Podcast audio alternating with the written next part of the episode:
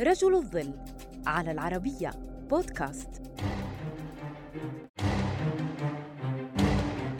ترعرع في كنف فرنسا واحتضنته القوة العسكرية ثم منحته أفضل الرتب والامتيازات لكنه وبين ليلة وضحاها باع وطنه من أجل المال بل وألقى بتهمته على رجل آخر في فضيحة حملت اسم النقيب درايفس في أواخر القرن التاسع عشر. إنه الجاسوس الألماني فرديناند إسترهيزي.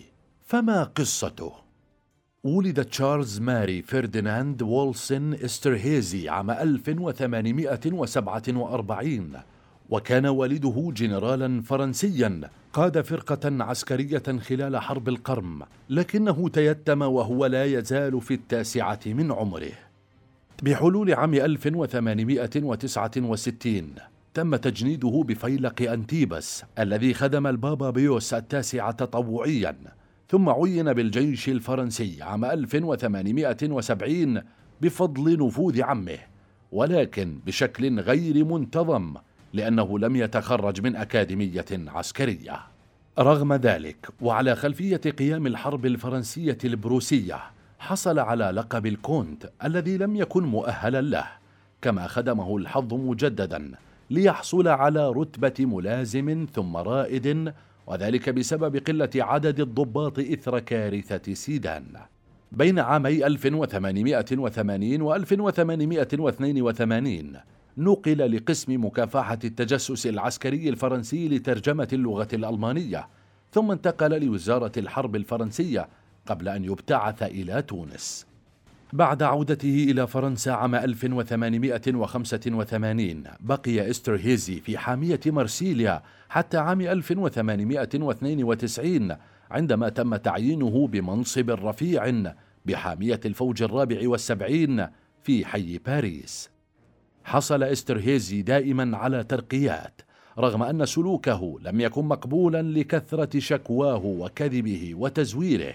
حيث قام بإدراج إنجازات وهمية له بالسجلات الرسمية كما أهدر أمواله بالمضاربة والسلوكيات المنحرفة وارتاد دور المقامرة ما جعله غارقا بالديون فقام بعرض بيع أسرار بلاده على ألمانيا. كانت رسائل إسترهيزي تذهب إلى ألمانيا عبر إلقائها في سلة مهملات لتلتقطها عميلة ألمانية لكن رسالة منها اكتشفت.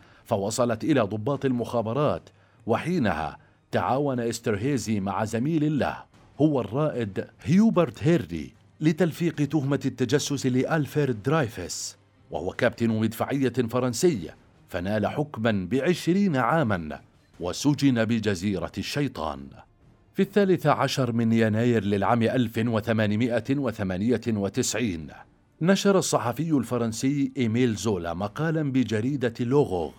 اتهم فيه الحكومة بتزوير الأدلة ضد درايفس ليقبض بعدها على العقيد هنري الذي اعترف بتزوير الأدلة قبل أن ينتحر بزنزانته ما دفع إستر هيزي للاعتراف.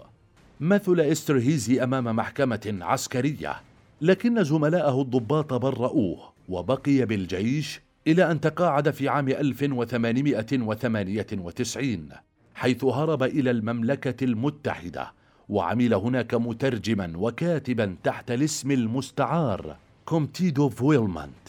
وعاش بقرية هاربيندين حتى وفاته في الحادي والعشرين من مايو عام 1923 تمت تبرئة درايفس في نهاية المطاف في عام 1906 وأعيد للجيش الفرنسي. لكن قضيته شكلت فضيحة سياسية وجنائية في فرنسا فيما تناولتها العديد من الصحف الأمريكية على مر السنين.